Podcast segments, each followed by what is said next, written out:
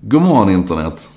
Det är avsnitt 196 av En sak idag och det är dags att påminna om vad vi pratade om i avsnitt 1.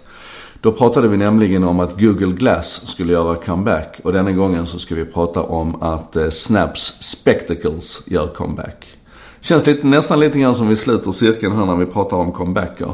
Jag menar, det är ju inte konstigt att, att glasögon är hett. Sju av tio svenskar använder glasögon och det ser ungefär likadant ut överallt. Så att det finns ju ett rent det finns ju ett rent praktiskt skäl till att techtillverkarna spanar på de här och vill göra någonting av dem.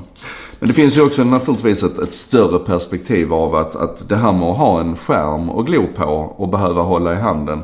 Det är ju lätt korkat att få en, ett, ett smart glasögonpaket framför ögonen som ersätter skärmen. Det är ju ett, ett bra första steg på vägen mot det här dator till hjärna-interfacet, computer to brain interface som vi också har pratat om ett par gånger och som, som jag verkligen drömmer om.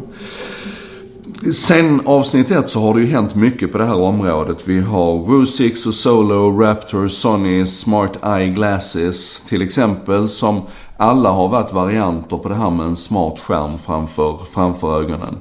Vi har naturligtvis Google Glasses som jag pratade om i avsnitt 1 och som, som fortsätter att flytta fram positionerna och försöker hamna i ett, ett mer eh, Eh, business to business segment här nu. Det handlar om industriella tillämpningar. Om du jobbar på fabrik så ska de funka där med man ja du vet, instruktioner, manualer och så vidare. Men det finns också ett annat spår som vi inte har pratat så mycket om som håller på att växa fram. Eh, senast nu Lockdown Focus heter de, men den stora där är väl View.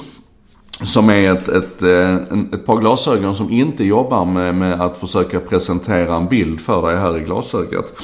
Utan de jobbar med en Ehm, bone to ear ehm, transmitter som det heter. Så att de, de har alltså ett antal funktioner för att ge dig notifieringar, spela musik för dig och så vidare. Men det finns ingen, ingen högtalare, det finns liksom ingen hörlur utan de arbetar istället med, med skallbenet och så rakt in då till, till hörselnerven. Ehm, och har fått fina recensioner.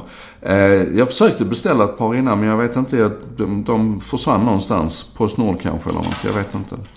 Nu är det i alla fall dags för Spectacles, alltså Snaps omprov här. Förra försöket de gjorde med Spectacles blev ju en dyr historia. De satt på stora eh, Stort osålt lager, eh, 40 miljoner dollar fick de skriva ner det med. I princip ingen köpte dem. Ehm, och det var ju för att den var för ett litet featureset och för dåliga funktioner. Det kunde egentligen bara eh, ta lite video och koppla det till, till, eh, till Snap. Nu med de här nya då så, så säger man då att de är, de är mindre och smidigare. Du kan ta bilder med dem förutom video. Det har, du har fått en högre upplösning på dem, lite bättre kvalitet. De är vattenskyddade och så vidare. Men i grunden så känns det ändå som att det här är ungefär samma produkt ett varv till. Eh, och det säger ju lite grann om, nu ska jag inte vara sån, men det säger lite grann om innovationshöjden hos Snapchat. Min känsla är att det företaget har stagnerat lite grann och fastnat lite grann i förbannelsen av sin, sin grundprodukt. De lyckas liksom inte riktigt expandera utanför det som är deras kärnprodukt. Och det är nog en utmaning för dem. De, de försöker ju här nu med Spectacles att, att bygga in mer. Det ska till exempel finnas en, en, en, lite speciella funktioner i appen nu som är bäddade för Spectacles. Så att du kan, du kan, det finns en speciell karta för de som bär, eh, bär Spectacles. Och, och, och man har sett till att överföringshastigheten blir bättre och så vidare. Men, men eh, det, här är, det här är knepigt och det här är spännande att följa var det här tar vägen. Om vi de är snyggare eh, och, och smidigare och sådär men jag undrar om, om värdet är tillräckligt högt för att du, att du ska liksom gå och bära dem. Nu har de förvisso ett samarbete också med en, en partner som gör att du kan få om du har eh, någon styrka eller någon, någon korrigering i dina glas så kan du få det i dina spectacles också. Men ja, för 150 dollar, alltså klart dyrare än den förra versionen, så undrar jag om det här kommer att lyfta. Då är jag mer nyfiken på det som det pratas om som nästa version ifrån Snap som har två kameror istället. Och eh, ska kunna ge dig 3D-effekter direkt. Eh, vi får se. Det släpps i alla fall nu så du kan köpa dem i USA, Kanada, England och Frankrike. Och lite senare här den 3 maj så blir de tillgängliga i Holland, Norge, Danmark, Belgien, Finland, Polen, Spanien, Italien och Irland. Men inte Sverige. Så då tänkte jag så här, om du vill köpa ett par, par spectacles så kan du väl komma förbi mig här i Helsingborg så tar vi en fika och sen åker du över till Danmark. Det tar 20 minuter på båten. Och så kan du köpa dina spectacles där. Det var väl en jättebra idé. Hörni, fredag idag. Sen är det helg. Sen är det valborg och sen är det första maj. Det betyder att vi ses inte igen förrän på onsdag i nästa vecka. För nu tänker jag ta en liten break. Eh, det blir nog den, den längsta En sak idag-semestern sen vi kickade igång. Eh, jag hoppas att ni inte kommer att lida allt för mycket. Men vi kan ju ses i kommentarsfältet. Ni kan sätta er ner och lyssna ikapp alla de andra.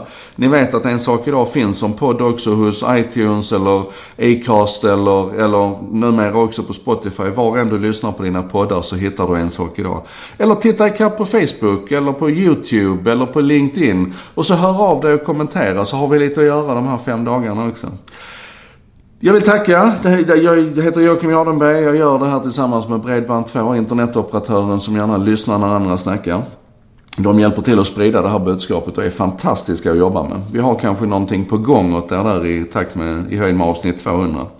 Ehm, det textas och översätts av vännerna på Contentor som jobbar med modern marknadsföring, redaktionella texter på nätet och översättningar.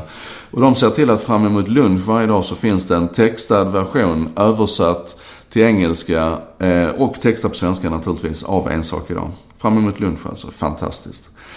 Ha nu en riktigt god helg, en bra valborg, en härlig första maj så ses vi igen på onsdag nästa vecka.